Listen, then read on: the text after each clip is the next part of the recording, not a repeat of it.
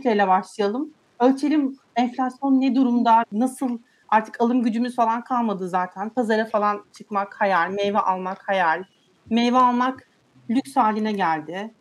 Zamanında Almanya'da kınanan işte, işte domatesi tek mi alıyormuş, meyveyi tek mi alıyormuş muhabbeti artık Türkiye için de geçerli. Bir yandan Almanyalaştık aslında. Hedeflere doğru hızla yaklaşıyoruz. Siz mesela Bilgehan Hocam bebek mamaları bezleyip ne durumda? Sizle başlayalım isterseniz. Siz çok dertlisiniz o konuda çünkü. Benim kişisel hikayem için ayrı bir yayın yapmamız lazım Maya. yani hakikaten Türkiye'de bugün özellikle hane halkı çok sıkıntılı bir durum içerisinde. Bunu söylemem lazım. Yeni nesiller yani hayata henüz atılmamış olan ve atılmak üzere olan genç arkadaşlar çok sıkıntılı durumda. Bizim kuşağımızın karşılaştığı ciddi problemler vardı. Biz mesela çok çalışan, çok sınava giren ve bu sınavlarda elde ettiğimiz başarı karşılığında yükselebileceğini uman, bu hikayelerle büyüyen bir nesildik. Benim hayatım sınavlara girmekle geçti. Sürekli olarak bir eşik atlama mücadelesi oldu açık konuşmak gerekirse. Ve şu anda büyük bir hayal kırıklığı yaşıyoruz. Ben ve benim kuşağımdaki insanlar. Çünkü kendi çapımızda Türkiye'nin yükünü çektiğimizi düşünüyoruz ama çok umduğumuz kadar iyi bir hayat yaşamıyoruz. Yani orta sınıf lükslerimiz yok. Özellikle aile kurduktan sonra hepimizin ortak dertleri, ortak problemleri var. E, o amaçladığımız orta üst sınıf hayatı yaşayamadık maalesef. Bunu söylemek gerekiyor. E, bunu sadece ekonomiyle de sınırlandırmamak lazım. Aynı zamanda ülkedeki sistemin e, bizlere kendimizi çok değersiz hissettiren bir tarafı var. Bunu da söylemek gerekiyor. Yani sadece e, iyi yaşayamayan ya da layık olduğumuz kadar para kazanamayan insanlar değiliz. Aynı zamanda sistem içerisinde kendi hayatımız boyunca biriktirdiğimiz uzmanlık bilgimizin de çok önemli yer tutmadığını görüyoruz. Bu durum daha genç kuşaklara gittikçe oldukça vahim bir hal alıyor. Onu da söylemek lazım. Bu çocuklar sosyal medyada görüyoruz. Hepsi çok sinirli. Çok dert anlatma e, peşinde. Dertleri var ve çok garip bir şekilde siyasallaştılar. Sürekli olarak siyasi sezgileri yüksek bir şekilde yaşamak zorundalar. Siyaseti takip ediyorlar. Ona karşı bir yorum geliştirmek zorunda hissediyorlar ve o kadar kaotik bir atmosfer var ki siyasetin geleceği onların kendi geleceğini de belirleyecek. Onu da söylemek gerekiyor. Ve baktığınız zaman bugün refah göstergesi olan mal ve hizmetlere yeni nesillerin ulaşması çok mümkün değil. Hani biz biraz kendimizi kurtarmış bir nesil olarak belki ev araba sahibi olduk, evlendik, ailemizi kurduk, çocuklarımızı büyütüyoruz. Ama bir sonraki nesil için hakikaten bu standart orta sınıf paketi büyük bir lüks haline gelecek. Yani Türkiye'de çocuk yapmak, çocuk büyütmek gerçekten büyük bir lüks haline gelecek. Bir önceki jenerasyon çok şanslıydı mesela. Bizden bir önceki jenerasyon. Onlar için bizim şu anda katlandığımız masraflar hayatlarında yoktu. Yani okul masrafından tutun da işte diğer bebek endüstrisi, aile endüstrisine dair diğer tüketim maddeleri hayatlarında olmadığı için onlar çok rahat bir dönem geçirdiler açıkçası. Fakat gittikçe durum daha da kötüye gidiyor. Tabii bu dünyadaki bu trendin Türkiye'deki kırılımı çok daha ağır oldu. Çok daha ani bir düşüş yaşadık. Onu söylemek gerekiyor. Ve Türkiye'den para çekildikçe, ekonomi kötüye gittikçe hayatın birçok sorunlu tarafı da ortaya çıkıyor. Yani üniversitelerin üniversite gibi olmaması daha çok göze batıyor. Yani işte işsizlik daha çok göze batıyor. Asgari ücretin düşüklüğü daha çok göze batıyor. Ne bileyim insanların 4 yıllık üniversite okuması fakat bu üniversiteden aldığı diplomanın hiçbir yerel ve uluslararası karşılığının olmaması daha çok göze batıyor. İdari sistemin hantallığı ve bu hantallıkla beraber partizanlığı daha çok göze batıyor. Bunların hepsi yaşadığımız ekonomik krizle alakalı bir şey. Bizim de psikolojimiz buna göre çok kötü etkileniyor. Çünkü böyle bir şeydir bu. Kriz başladıkça siz hayatın o olumsuz taraflarını daha net, daha sert şekilde algılamaya başlarsınız. E, ve bugün benim görebildiğim kadarıyla yani aile babaları, hane halkı, hayata yeni atılmak üzere olan gençler ciddi anlamda bu sarsıntıyı yaşıyorlar. Ve kötü bir haberim de var izleyicilerimize. Bu bitmeyecek. Yani bu devam edecek. Şu anda iyi günlerde yaşıyor olabiliriz. İnsanlarda ev alamama telaşı, araba alamama telaşı, hayatının sonuna kadar herhangi bir varlığa sahip olamama telaşı, çocuklarını besleyememe telaşı, kendisinin yaşamdaki varlığını anlamlandıramama telaşı var. Bunu gözlemliyorum. Yani bütün hayatını deli gibi çalışarak fakat hiçbir şey elde edemeden geçiren insanlarla dolu etrafımız. Bu çok insan psikolojisini yoran bir şey, yıpratan bir şey. Onu da söylemek lazım. İnsan hayattaki varlığını sorgular. Yani sadece hayatta kalabilmek için bu kadar çok çalışıyorsam benim kendime ayıracak vaktim kalmıyorsa yaşamak için o zaman bu dünyadaki varlığımın sebebi nedir diye insan bir iç sorgulama içerisine girer. Bu çok can sıkıcı bir şeydir. Onu söylemek gerekir. Ve şu anda etrafımız böyle insanlarla dolu. Çok uzatmayayım. İlkan sen de hayal kırıklığına uğramış düşünüyor musun? Öyle bir durum ki bu psikolojik olarak. Şunu eklemek lazım. Gerçekten mesela nispeten ben kendimi şanslı görüyordum. Mesela birkaç ay içerisinde bir iki ek gelir imkanım oldu. Fakat sonrasında şunu düşündüm. Bu ek gelirlerin sonucunda ben daha önceki birkaç aydan daha geride olduğumu hissettim. Yani bu çok kötü bir psikolojiyi hissettiriyor. Yani aslında ne kadar çok koşarsanız o kadar çok geriye doğru gidiyorsunuz. Artık o çizgi filmlerde olduğu gibi debelendikçe batma hissiyatı olmaya başladı. Yani ya dedim ha birkaç yere daha yazı yazarım şu olur bu olur işte başka bir iş çıkar oradan bir ay. Bütün bunların sonunda daha da geride olduğunuzu görüyorsunuz. Veyahut da var olan birikimlerinizin azaldığını çok basitçe söyleyelim işte geçen Ramazan bayramını yaşadık. Diyelim yeğeninize harçlık vereceksiniz hep verdiğim örnek. Ya çocuğa para biriktir diyemiyorsunuz. Veyahut da atıyorum en basitinden herhangi bir arkadaşımın çocuğuna ben kumbara falan alsam arkadaşım beni döver. Öyle tahmin ediyorum yani. Çünkü şu anda mesela ben Bilgehan'ın ufaklıklara birer kumbara hediye etsem sen bizi batıracak mısın falan diye kızabilir bana yani açıkçası. Şu anki ekonomik şartlarda öyle bir enflasyonist ortam çünkü bakın enflasyon kendi ahlakını getiriyor. Çok üzücü bir şey bu. Yani ve biz de şu anda şu yaşadığımız şartlar dolayısıyla olduğumuzdan daha ahlaksız, olduğumuzdan daha düzensiz, olduğumuzdan daha kötü insanlar oluyoruz. Üzücü bu ama böyle. Yani bugün bakın işte kazıkçı esnaf deniyor hem doğru hem yanlış. Her hakikaten kazıkçı esnaf. Hakikat ama bir yandan da şu var şartlar da böyle. Yani hayat başka türlü gitmiyor ve şu anda Türkiye'deki her insan daha doğrusu Türkiye'deki insanların ortalaması 3 sene öncesine göre daha ahlaki durumdan geriye gitmiş durumda. Üzüce, üzülerek söylüyorum. Bakın böyle giderse daha da kötü noktaları yaşayacağız biz. Yani bunun siz diğer sosyal boyutlarını söylersiniz, sayarsınız. Ama gerçekten de bu, bu hızlı fakirleşme ahlaki çöküşü beraberinde getiriyor. Bunun farklı veçelerini beraberce yaşıyoruz, görüyoruz diye düşünüyorum.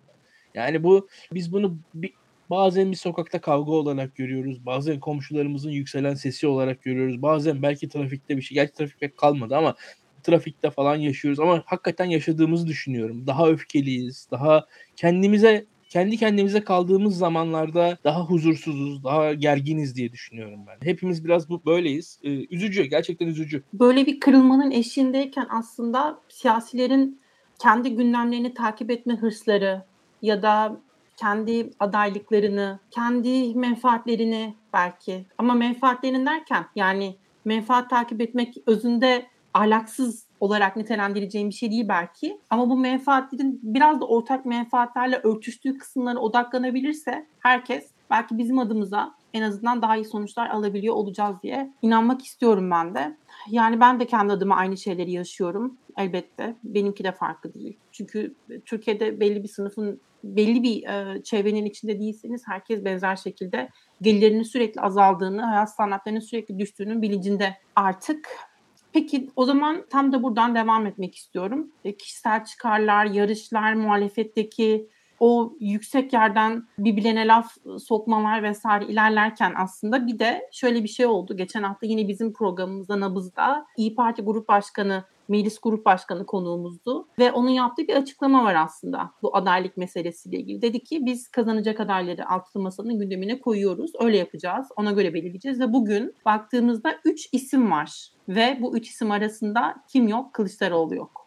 Neler söylersiniz Bilgen Hocam? Sizle başlayalım. Bu aslında yeni bir durum değil. Yeni bir söylem değil İyi Parti açısından. Çünkü İyi Parti kazanabilecek bir adayla seçime gidilmesi gerektiğini söyledi. Yani hiç bunun dışında bir beyanatta bulunmadı. Hatta İyi Parti Genel Başkanı e, adaylıktan da çekildi. Yani Cumhurbaşkanı adayı olmak istemediğini söyledi. Seçilebilecek kişilerin e, altılı masa tarafından, daha doğrusu Millet İttifakı tarafından takdir edilip aday gösterilmesi gerektiğini her fırsatta dile getirdi. Yani bu aslında yeni bir söylem değil. Bizim ilgimizi niçin çekiyor? Çünkü son zamanlarda Kemal Bey'in artık Millet İttifakı'nın veya altılı masanın adayı olarak öne çıktığını görüyoruz. Bu aynı zamanda kendi içinde bir çelişkiyi de barındırıyor. Çünkü daha önce bu programlarda da söyledik. Altılı Masa'nın aslında elitler arası bir mütabakatı temsil ettiği mütabakata işaret ettiği ancak taban desteğinden yoksun olduğunu söylemiştim ben. Bu şöyle bir şey. Altılı Masa'daki dört partinin Demokrat Parti'nin, DEBA ve Gelecek Partilerinin ve Saadet Partisi'nin oy oranı çok yüksek değil. Fakat bu dört parti Cumhurbaşkanı'nın kim olacağı konusunda Cumhuriyet Halk Partisi tabanından daha yetkili. Bunun bir açıklaması olmalı. Çok da net bir şekilde açıklanmadı açıkçası. Sadece DEVA ve Gelecek partilerinin memnuniyetsiz, endişeli muhafazakarların temsilcisi olduğu ön kabulüne dayanıyoruz. Ama ortada bu partilerin oyunu ölçebileceğimiz bir mekanizma yok. Anketlerde durumun pek öyle olmadığını söylüyorlar. Buna rağmen bu partilere bir söz hakkı veriliyor. Saadet Partisi tabii çok saygı duyulan bir parti. Çünkü hem referandumda hem 2018'de hem de ilerleyen dönemlerde muhalefetle dayanışma içerisinde oldu ve bunu da Adalet ve Kalkınma Partisi ile pazarlık yapmak için kullanmadı. Ya bu çok önemli bir şey. Bizim muhaliflerde her sureti muhalif gözükeni muhalif kabul etmek gibi bir eğilim vardır. Halbuki Türkiye gibi rejimlerde muhalif gözükenlerin amacı aslında iktidarla pazarlık yaparken el yükseltmektir çoğu zaman. Saadet Partisi hiç böyle olmadı. Onu söylemek lazım. Çok samimi bir muhalefet sergiledi. Dolayısıyla hiç kimsenin Saadet Partisi'ne itirazı yok. E, Demokrat Parti'nin de aslında baktığınız zaman e, çok fazla bir oy oranı yok. Yani hani eski bir gelenekten geliyor. Merkez sağ çizgiyi temsil ediyor. Ancak e, merkez sağ çizgiyi temsil ederken böyle hak ettiğini düşündüğü oyu aldığını söyleyemeyiz. Dolayısıyla Cumhuriyet Halk Partisi tabanının aslında temsil edilmediği, bunun yerine temsil oranının oranı düşük 3 partinin e, ve bununla birlikte yine oy oranı umulanın altında kalan Saadet Partisi'nin daha etkili olduğu bir seçim süreci yaşıyoruz. Bu oldukça garip. Cumhuriyet Halk Partisi seçmeni baktığınız zaman muhalefetin aslında uzun yıllar ayakta kalmasını sağlayan kemik omurga seçmen. Bunu söylemek lazım. Yani bugün Türkiye Rusya olmadıysa Cumhuriyet Halk Partisi seçmeni Cumhuriyet Halk Partisi seçmenin inadı yüzünden olmadı. Yani bunu söylemek lazım. Yani bu insanlar bir savrulma yaşamadılar. E, ayartıcı, baştan çıkartıcı sözlere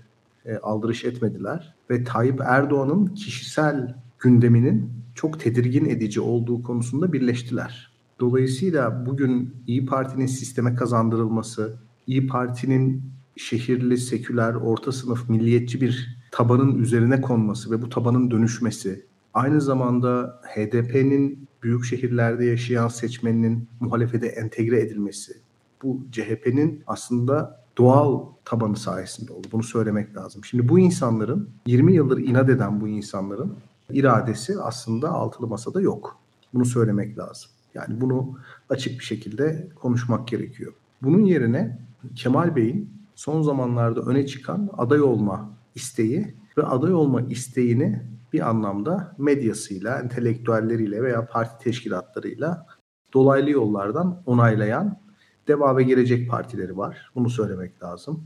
Bu konuda henüz renk belli etmeyen Demokrat Parti ve e, Saadet Partisi var ve Kemal Bey'in kazanamayacağını düşünen, kazanabilecek seçimi kazanabilecek bir adayla gidilmesi gerektiğini düşünen bir İyi Parti var son programda da bu ortaya çıktı. Hocam çok özür dilerim. Neden neden Deva ve Gelecek Kılıçdaroğlu'nun adaylarını olumlu buluyorlar? Neden böyle düşünüyorlar sizce? Çünkü Kılıçdaroğlu dışındaki olası adaylardan tehlike algılıyorlar, tehdit algılıyorlar. Yani mesela Ekrem İmamoğlu'nun Cumhurbaşkanı olması durumunda siyaseti domine edebileceğini, e, dolayısıyla seçimlerden sonra oluşacak siyasi tabloda kendilerine yer bulamayacaklarını düşünüyorlar. Dolayısıyla Kemal Bey'le bir ittifak pazarlığı, hatta bir kabine pazarlığı, bir koalisyon pazarlığı yapabileceklerini ve kendi cüsselerinden daha büyük bir gölgeye sahip olarak masaya oturabileceklerini düşünüyorlar. Yani bu avantajlı bir şey. Masadaki baktığınız, e... zaman, hı hı. baktığınız zaman bu iki kutuplu siyasi atmosferlerde aslında deva ve geleceğin şu anda belli bir kutba girebilmek için daha istekli olan taraf olması gerekirdi. Fakat dikkat ederseniz şu anda Deva ve Gelecek Partileri halen daha Millet İttifakı'nın parçası değiller. Anlatabiliyor muyum? Halbuki e, yani çift kutuplu sistemlerde herhangi bir kutbun içinde olmayan aktörlerin işi çok zordur. E, bunu söylemek lazım. E, dolayısıyla onlara bu değer, bu kıymet Kemal Bey tarafından veriliyor. Ürettikleri hikaye de dikkat ederseniz Altılı Masa'nın bir hükümet programı çıkartmaması, altılı masanın bir yol haritası önermemesi ancak daha normatif bir demokrasi önerisi üzerinden ilerlemesi yani parlamenter sisteme geçiş gibi. Şimdi bu da akıllarda bir soru işareti oluşturuyor. Çünkü biraz önce konuştuğumuz gibi halkın öncelikli talebi acaba enflasyonu düşürecek, ekonomik sıkıntılarına derman olabilecek bir hükümet mi? Yoksa parlamenter sistem vaadiyle kendi karşısına çıkan, bir demokrasi savunusu yapan, normatif bir söylemi benimseyen bir lider mi? Ya da bir Altılı, koalisyon mu?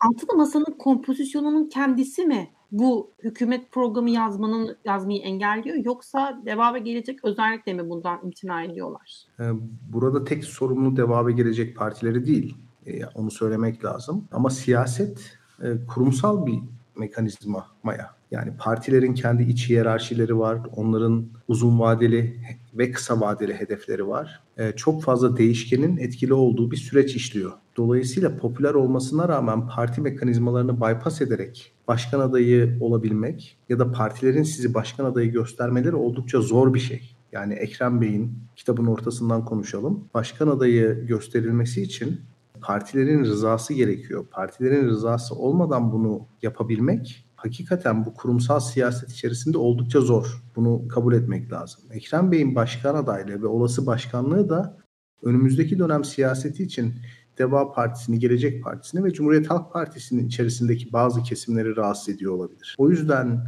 siyasete odaklanan, lider karizmasına odaklanan ya da yol haritasına odaklanan bir strateji yerine herkesin üzerinde uzlaşabileceği soyut, çok da kenarı köşesi tanımlanmamış bir hedefe doğru odaklanmak, bu hedef üzerinden bir muhalif cephe kurmak daha mantıklı geliyor. Yani neticede hiç kimse Cumhurbaşkanı adayının iyi bir insan olmasına itiraz edemez. Mesela Cumhurbaşkanı adayımız iyi bir insan olsun önermesi 120 tane partiyi aynı eksende toplayabilir. Fakat Cumhurbaşkanı adayımızın hitabeti kuvvetli, insanlara dokunan ve onlara e, ihtiyacı olan sözleri söyleyebilen, onları bir şekilde kaygılarından arındıran bir lider olması dediğiniz zaman orada filtre iyice daralıyor. Anlatabiliyor muyum? Bazı kişileri ifade ediyorsunuz. Öyle olunca da dağılıyor tabii ki. O yüzden bu altılı masa olabildiğince soyut bir çerçeve üzerinden ilerliyor ve soyut çerçeve üzerinden ilerlediğiniz zaman da başkan adayı olabildiğince siyaset yapma yeteneğinden ari,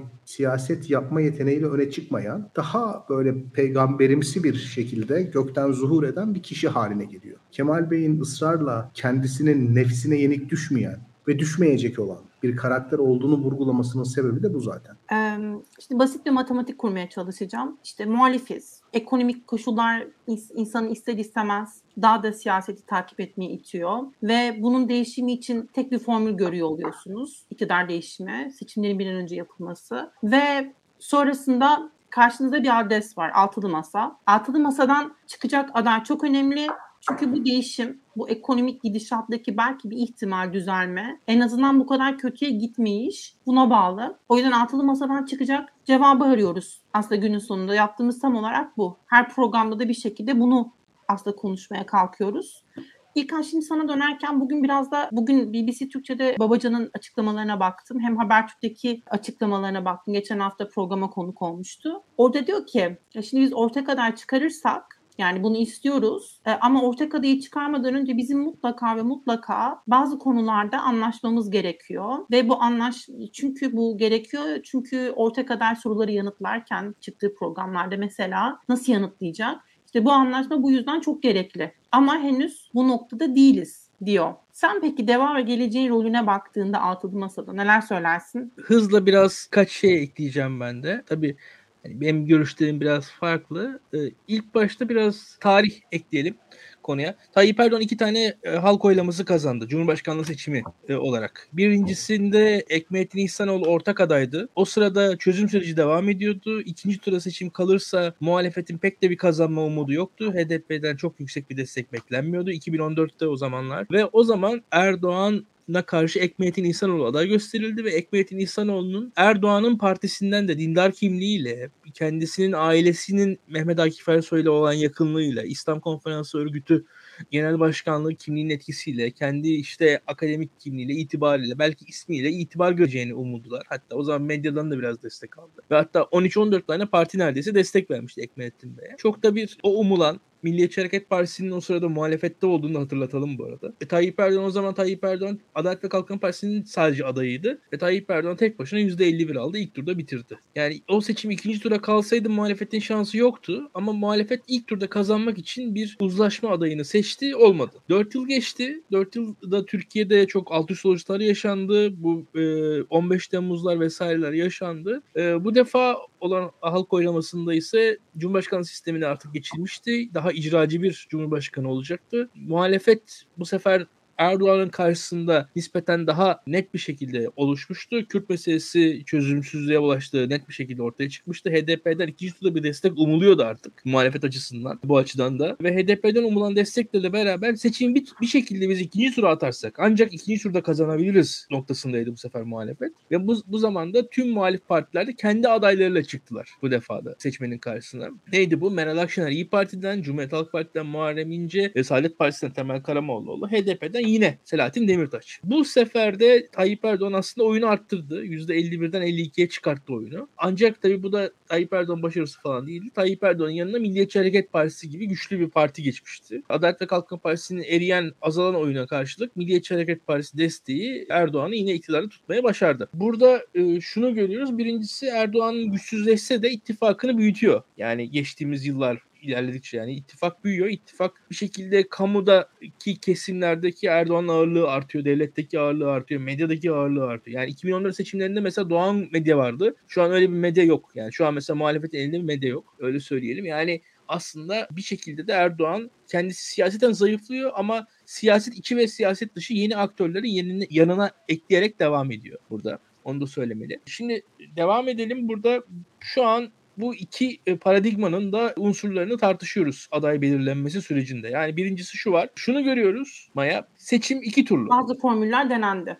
Artık bunu Yani, biliyoruz. evet, tabii, Şimdi tabii, aday bazı- yoluna girerken de aslında aday dur, belirleme sürecine girerken de Hmm, Şimdi birazcık daha uzun anlatacağım. Şimdi bazı formüller denendi. Üzgünüm. Bu formüllerde de bu- biz de bir tecrübe sahibi olduk. Şöyle bir tecrübe sahibi olduk. Türkiye'de muhalefet seçmenleri de tecrübe sahibi oldu. Bilgehan'ın bahsettiği gibi. Muhalefet seçmenleri bundan 10 yıl öncesinde de olduklarından çok daha esnek seçmenler haline geldiler. Yani bundan 10 yıl öncesinde İyi Parti seçmenlerinin siz atıyorum İstanbul'da, Ankara'da, İzmir'de, Antalya'da e, Cumhuriyet Halk Partisi belediye başkanlarına oy vereceklerini, neredeyse full oy vereceklerini söyleseniz yani siyasetten anlamıyorsun sen. Türkiye'deki milliyetçi seçmeni tanımıyorsun falan denirdi size. Ancak bugün bu olabildi. Veyahut da yani e, şöyle söyleyelim. Sırrı Süreyya Önder'in adaylığı sırasında açıkçası öyle ya da böyle karşısındaki Kadir Topbaş'tan ziyade Sarıgül'le mücadele ettiğini hatırlıyoruz açıkçası o zamanlarda mesela.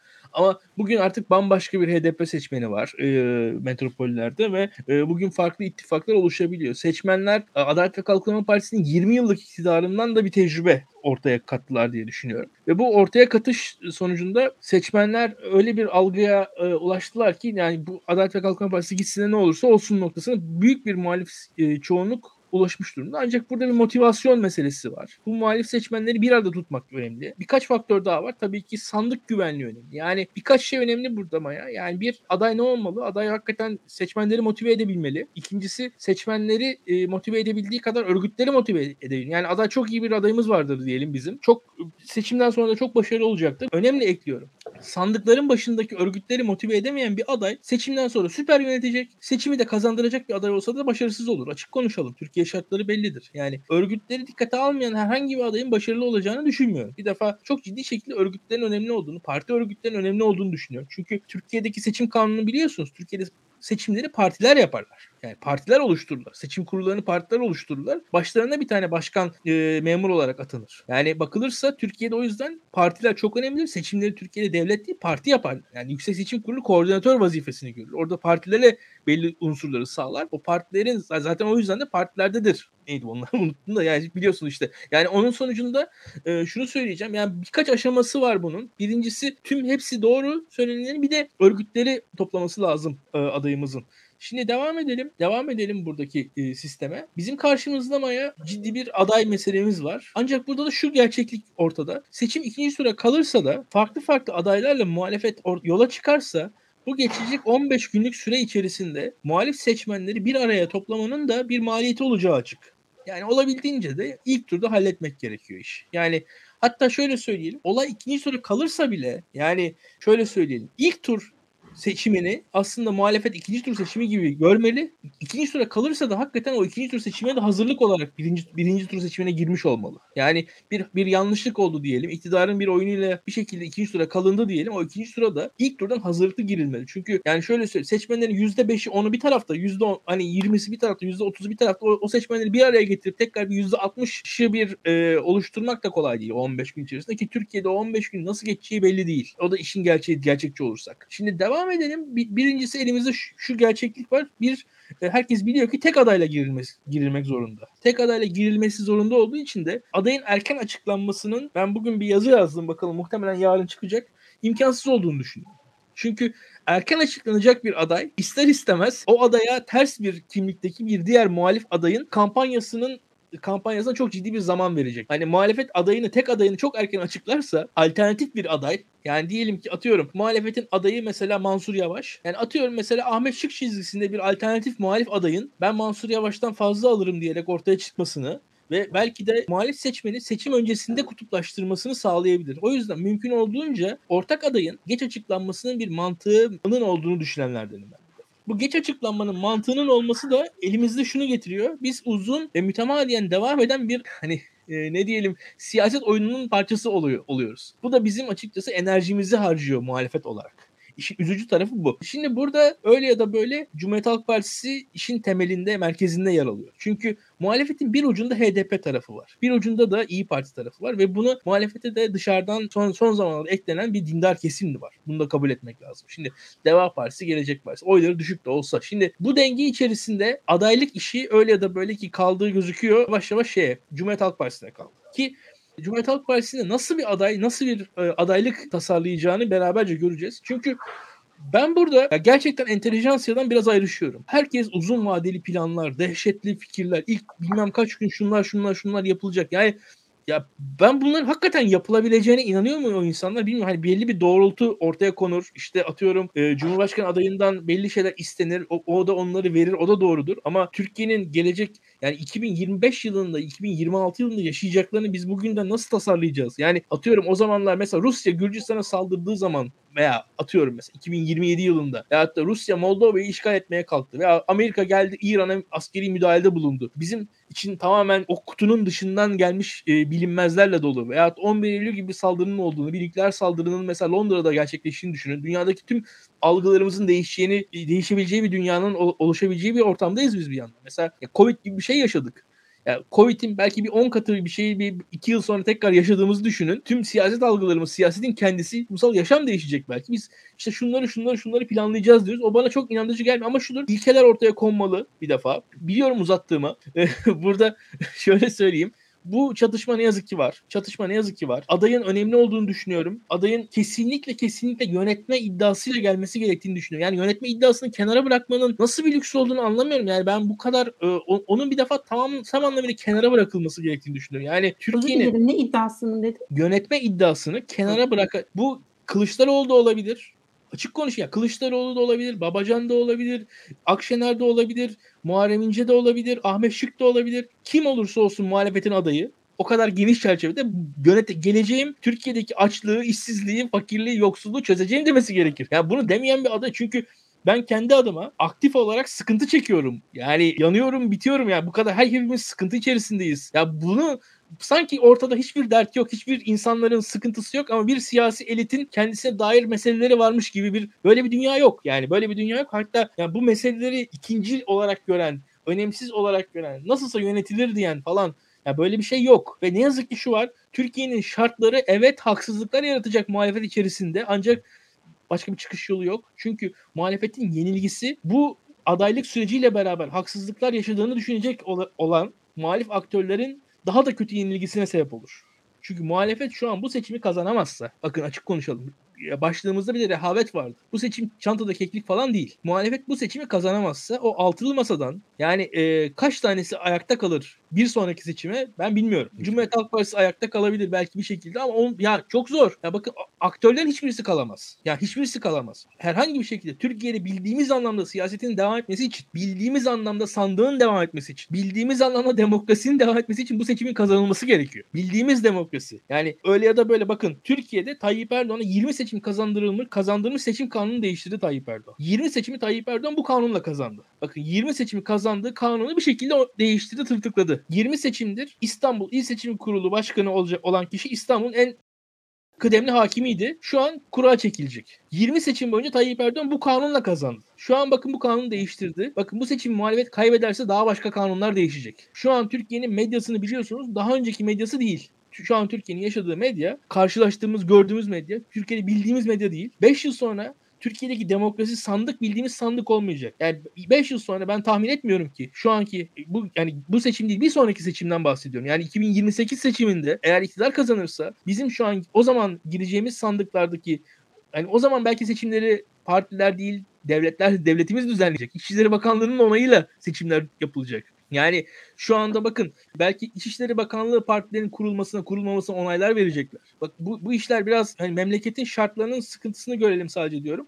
O açıdan ben hani o aday bu aday şu aday meselesinde illa bir noktada değilim. Yani öyle ya da böyle herkesin bu işin sıkıntısının, zorluğunun, e, öneminin farkında olması yeterlidir. E, Birçok kişi de farkında bence. Partilerin önemli olduğu açıktır. Partilere rağmen kimsenin bir şey yapamayacağı da açık. Ve şunu da bilmek lazım. Kılıçdaroğlu'nu destekleyenler olabilir. Akşener'i destekleyenler olabilir. Mansur Yavaş, İmamoğlu'nu destekleyenler olabilir. Ve desteklemeyenler de olabilir. Her, her birinin seçiminin bize bir sıkıntı yaratacağına, her birinin seçimine beğenmeyenlerimizin olacağını bilmemiz lazım. Şöyle söyleyelim.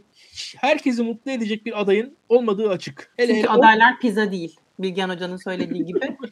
İlkan teşekkür ederim. Yani soruda deva ve gelecek hariç her şeyi konuştuk. Ee, o yüzden en azından bunları böyle tik atarak ilerliyorum şu an bunları konuştuğumuz için. Bilgehan Hoca'nın üzerine bir daha fazla açıklama fırlatacağım. O seçsin. Şimdi Ahmet Şık'ın Kılıçdaroğlu'nun Alevi olmasını hatırlatması meselesi bir. Bunu acaba başka bir siyasi figür başka bir isim yapsaydı Türkiye'deki sol nasıl tepki verirdi? Bunu merak ediyorum. Bu var. Yine Babacan'a döneceğim. Aslında bugün e, BBC'de verdiği demeçte şey de diyor. Eğer orta kadar çıkmazsa ben adayım. Çok net bunu söyledi. Sonra şimdi yeniden Refah Genel Başkanı e, Sayın Erbakan, Fatih Erbakan'ın bir açıklaması var. İlkan da onu retweetlemiş. Diyor ki Konya'ya gittik. Biz diyorduk ki daha öncesinde ikinci tura Kılıçdaroğlu ile Erdoğan kalırsa biz Erdoğan destekleriz diyorduk ama o kadar tepki gördük ki Konya'da artık biz kimseye destek vermeme noktasına geldik. Öyle gözüküyor. Şimdi bu üç açıklamadan nereden isterseniz başlayın. Ya Fatih Bey Türkiye siyasetinin son dönemdeki yükselen yıldızı. Yani kısa aralıklarla her iki açıklamayı da aynı kişi tarafından yapıldığını duyduk. Bu muazzam bir şey. Onu söylemek lazım.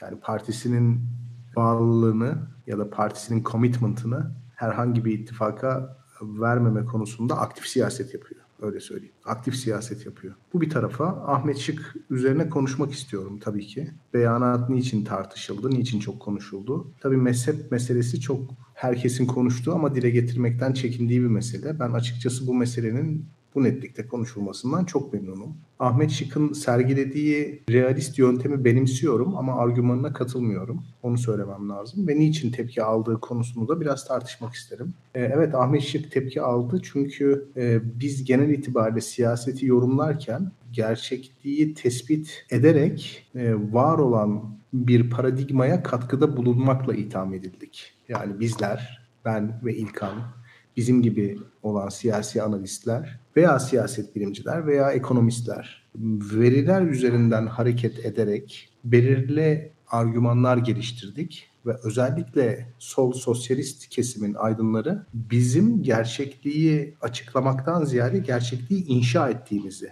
iddia ettiler. Çünkü gerçekliği açıklayıp o gerçekliği verili olarak kabul etmek aslında kurgusal bir gerçekliği, bazı kişilerin faydasına olan gerçekliği inşa etmek de aynı şey. Bu yüzden sol sosyalist çevreler sadece durum tespiti yapmakla iktifa etmezler. Aynı zamanda normatif bir çağrıda bulunurlar. Yani bir değişim çağrısında bulunurlar. Ve bu da çok eski bir e, aslında duruştur. Karl Marx'tan gelir. Dünyayı açıklamak değil, onu değiştirmek gerekir. Dünyayı açıklamak yetmez.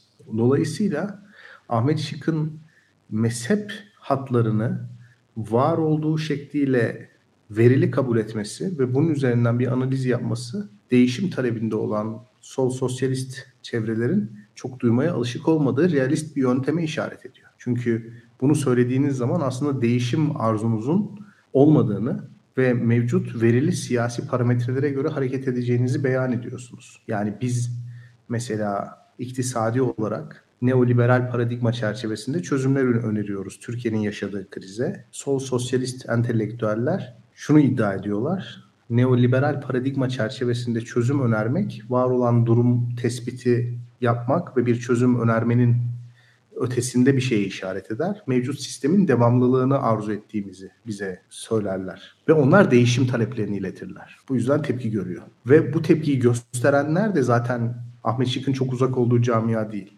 Yani Ahmet Şık'ın kendisi de muhtemelen mevcut iktisadi krizi neoliberal önerilerle çözmeyi düşünen bir siyasetçi, bir ekonomiste benzer tepkiler veriyordu. Ya da siyaseti gerçekçi bir jargondan konuşan, önemli olanın kazanmak olduğunu söyleyen birisine muhtemelen daha önceden benzer tepkiler veriyordu. Yani kendisi vermese bile benzer tepkilerden rahatsız olmuyordu.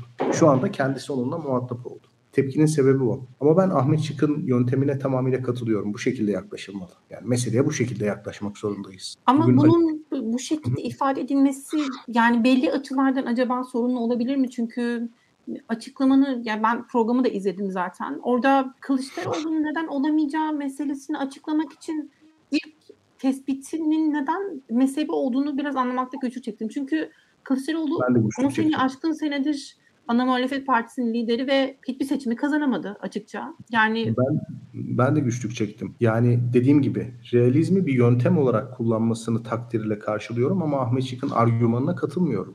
Ve daha da vahimi Kılıçdaroğlu'nun Cumhurbaşkanı seçilemeyeceğini düşünmeyi onun mezhebiyle ilişkilendirmekle aynı kategoriye sokmak gibi bir şeye getirdi. Yani sanki Kılıçdaroğlu'nun başkan olamayacağını, seçilemeyeceğini düşünen herkes bunun mezhep kaynaklı bir e, sorundan kaynaklandığını iddia ediyormuş gibi de bir tablo ortaya çıktı. Halbuki bence durumun çok da mezheple alakası yok. Yani İlkan'ın biraz önce söylediği gibi yönetme iddiası, yönetme iradesi, yönetme şehveti öyle söyleyeyim bir şekilde liderden vatandaşa geçen bir duygudur, bir histir ve vatandaş ne yapacağını bilen, cebinde yol haritası olan, iktidarı aldığı günün ertesi günü çalışmaya başlayan ve halktan aldığı yetkiyi olabildiğince çalışarak, olabildiğince gayret göstererek halk için kullanan liderleri seçer. Siyaset çok karmaşık bir şey değil.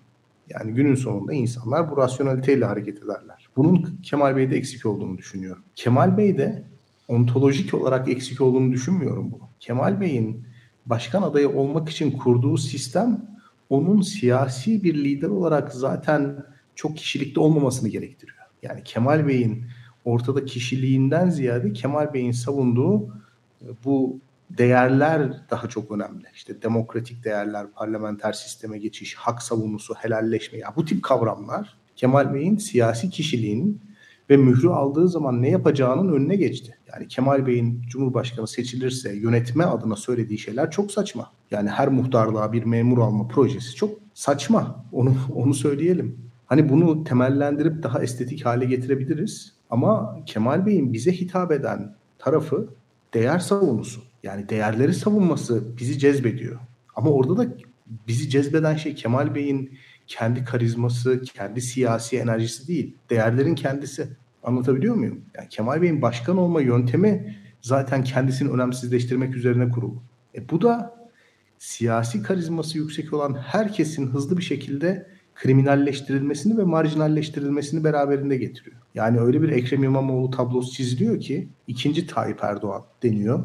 Ben Ekrem İmamoğlu'nun birçok zaafı olduğuna inanıyorum. Fakat yani siyasi analistlerin, entelektüellerin ve akademisyenlerin çizdiği gibi bir tablonun Ekrem İmamoğlu Cumhurbaşkanlığında yaşanmayacağına da neredeyse eminim. Çünkü otoriterleşme dediğimiz hadise biraz da yapısal faktörlerin yol açtığı, imkan verdiği bir hadisedir. Yani Ekrem Bey'in Cumhurbaşkanı olduğu, parlamentoda MHP'nin, AKP'nin ve diğer muhalefet partilerinin olduğu bir durumda kendisinin başının üstünde parlamenter sisteme geçiş kılıcı sallanacaktır. İstese de istese de otoriterleşmesi çok mümkün olmayacak.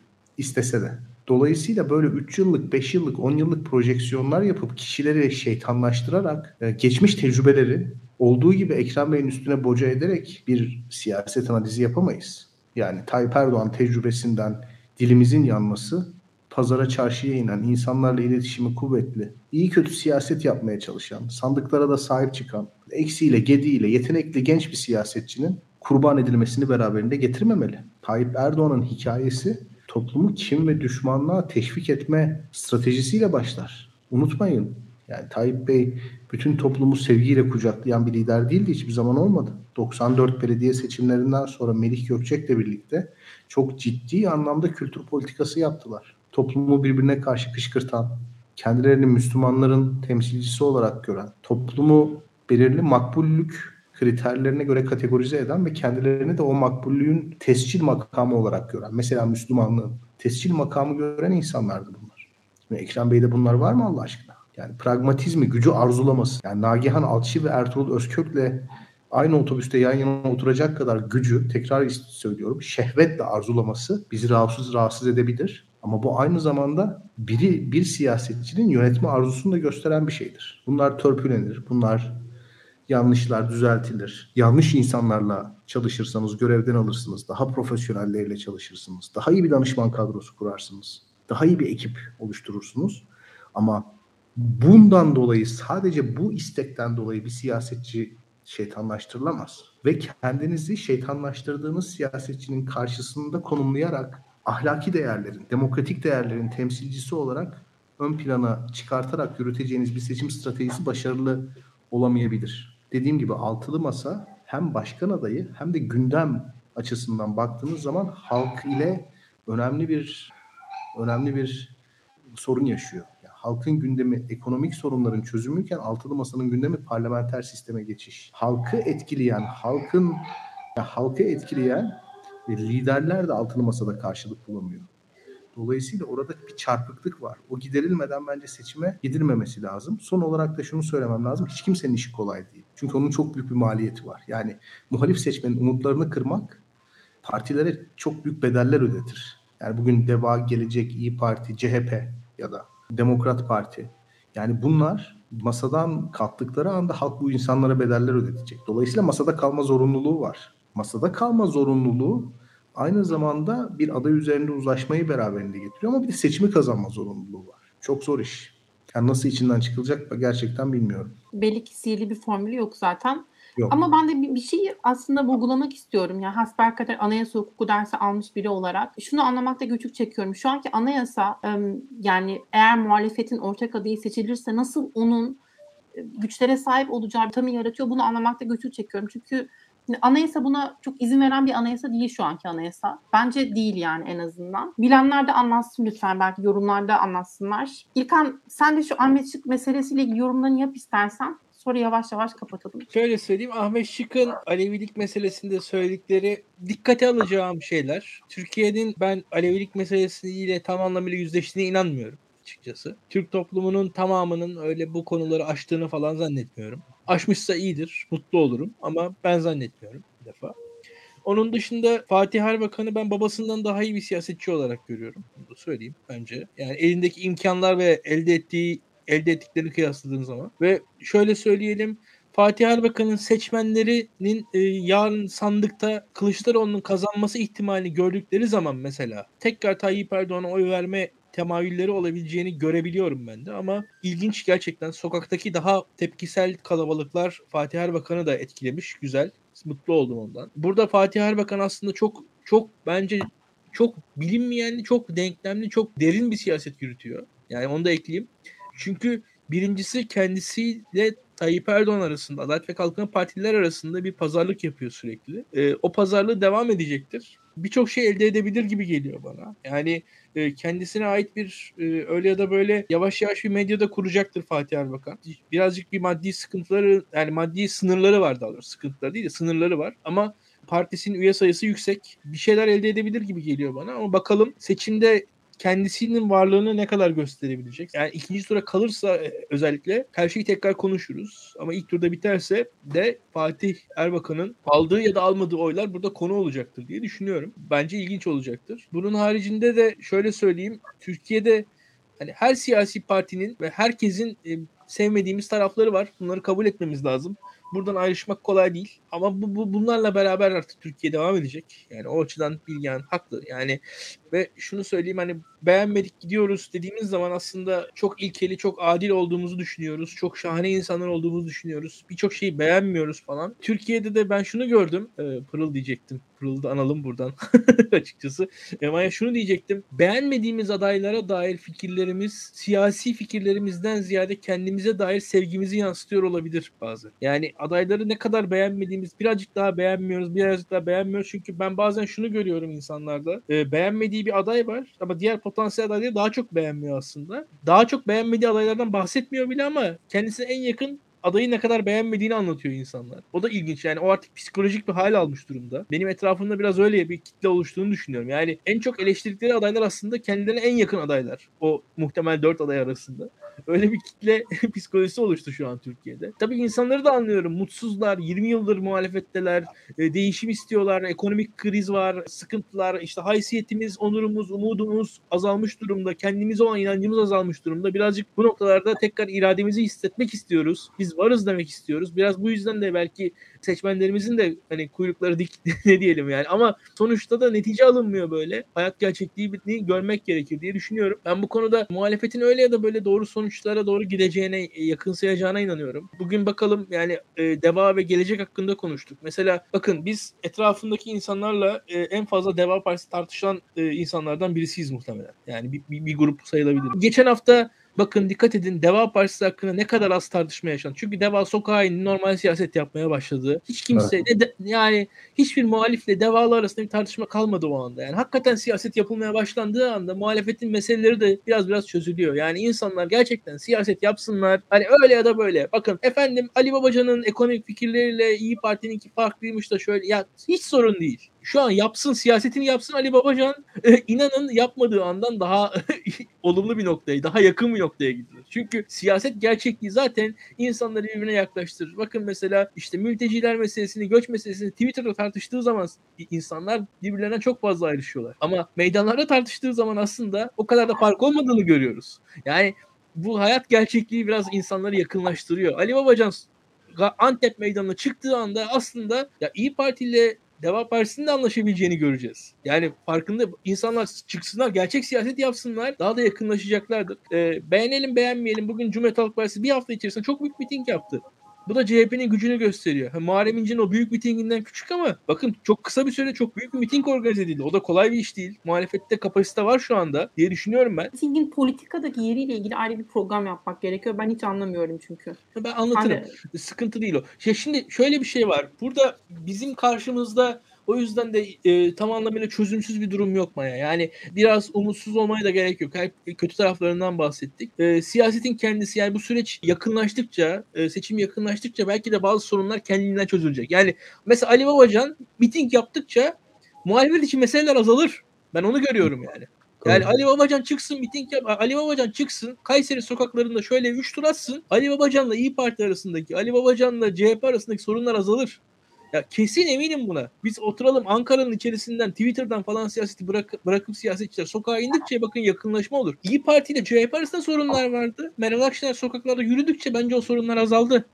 Ya bu işler biraz da böyle. Siyasetin kendisi aslında muhalefet yapmanın kendisi bu partilerin seçmenlerini de yakınlaştıracaktır. Hatta ben şunu söylüyorum. Türkiye'de muhalefet siyasetin biraz dışına doğru kaçtı. En son yani şuna ihtiyacımız var. Birazcık daha motive edilmiş bir siyasal kitleye ihtiyacımız var. Çünkü seçim kanunu değişti. Biz muhalefet muhalefetten tepki gelmedi. Benim gördüğüm benim için yeterli bir tepki gelmedi. Yani bu anlattığım iyi seçim kurulu başkanlarının seçimi konusunu rezalet olarak görüyorum. Bunu mesela halka anlatmadı muhalif partiler. Yani keşke anlat ve bu bundan bir motivasyon, seçmenlerin bir motivasyonunu çıkartamadık. Yarın bir gün adaylar belirlenirken, illerde listeler belirlenirken e, seçmenlerimizden esneklikler bekleyeceğiz. Seçmenlerimizden diyeceğiz ki sen şu partisin ama şurada şu partiye oy ver falan denecek belki. Denmek zorunda kalınacak. Bunların hesabını yapıp hani halkı o noktada son anda motive etmektense bu gibi şartlarda motive etmek gerekir diye düşünüyorum. Yani iktidar şu anki değişiklikleri yaptığı sırada motive etmemiz gerekiyordu. Bugün şöyle söyleyeyim. İstanbul'da ikinci seçimde insanların nasıl sandığa motive edildiğini hatırlayalım. Yani o ikinci seçimde sandığa nasıl motive edildiği insanlar yine benzer şekilde sandıklara motive edilmesi gerekir diye düşünüyorum. Tamam o zaman süremizin de sonuna geldik zaten. Eğer böyle son bir iki cümle varsa hemen hızlıca alayım sonra da kapatalım yine. Benim yok. Benim de yok. Bilgen Hoca hızlı bitsin diye hemen bu kısmı çok hızlı pas geçiyor. Asla oraya bir cümle daha sıkıştırmıyor. Hocam bir tane almak zorundayız. Kusura bakmayın öyle kapatacağız yayını. Siyaset Ankara yazıhanelerinde ve sosyal medya ajanslarında yapılmamalı. E, Bu etkisi kısa süren ve genel itibariyle siyasi atmosferi kirleten bir strateji. Bunu gördük. Yani örneklerini çok gördük. İlkan doğru söylüyor. İyi Parti mesela sokaklara çıkarak bir buçuk senede Ankara'nın o boğucu havasından kurtuldu. Siyaseten de kazandı. Deva Partisi de bence Gaziantep mitingiyle önemli bir adım attı. Ee, ve daha çok Anadolu'ya gittikçe, daha çok miting yaptıkça, daha çok kahvehaneye gittikçe, daha çok esnafın elini sıktıkça, yani sahada daha çok göründükçe, daha çok iltifat aldıkça, daha çok moral buldukça siyaset yapma alanı olarak diğer muhalefet partilerini değil, iktidarı seçecek. Ve bu da kendi ulaşabileceği potansiyeline ulaşmasını beraberinde getirecek. Yani benim gördüğüm Deva Partililerde bir sosyal medya psikolojisi var ve çok stresliler. Bu stresli olmaya gerek yok. Yani Deva Partisi iyi bir kadro kurdu. Çok iyi is- isimleri transfer etti. Yani kendi alanında saygın isimleri transfer etti. Bunlarla birlikte parti kurdu. Yani stresli olmaya gerek yok. Siyaseti yapan herkes bence kazanır. Ee, bir şeyler söyleyen kazanır. Kimin ekonomiyi yöneteceği konusu Ankara yazıhanelerinden tayin edilmez. Herkes ekonomi programını anlatır. Halk tayin eder bunu. Yani bu kadar basittir aslında. Yani yoksa sosyal medya ajanslarına verdiğiniz parayla bu işi yapamazsınız. Yani Deva Partisi bunu yaptığı için söylemiyorum. Ama genel itibariyle siyasette böyle bir şey var. Yani bir takım işte örgütlenmelerle belli bir konuyu trend yapıyorlar. Ya da bir takım arkadaş grupları, bir takım işte networkler e, sosyal medyada zafer kazanma peşindeler. Ama Doğan Gürpınar'ın söylediği gibi sosyal medyada ne zafer vardır ne mağlubiyet vardır. Öyle bir alan değil. Boş bir alan aslında. E, dolayısıyla hani o sokağa inmek, medyanın bu durumunda insanlarla yüz yüze gözüküp görüşmek, ellerini sıkmak bence önemli bir paradigma değişikliği Deva Partisi için. Devam etsinler. Ne konuşmadık bu akşam? Aslında erken seçime çok değinemedik ne yazık ki. Ee, Kılıçdaroğlu'nun İstanbul mitingiyle ilgili detaylandıramadık. Ee, Ama genel olarak Kılıçdaroğlu'nu konuştuk. Aslında Deva'nın Antep mitingini de çok konuşamadık ama Bilgen Hoca son kısımda aslında birazcık ondan bahsetmiş oldu. Tüm muhalefet partilerine kolay gelsin. Umarım e, altılı masa, muhalefet, örgütler iyi çalışırlar. Biz de elimizden geldiğince vatandaş olarak destekte bulunabiliriz umarım. O zaman haftaya görüşmek üzere diyelim. Kapatalım yayını. İyi akşamlar herkese. Yorumlarınızı bekliyoruz. Çok teşekkürler izlediğiniz için. Ee, Paylaşmayı unutmayın, abone olmayı unutmayın. İyi akşamlar. İyi akşamlar. Thank you.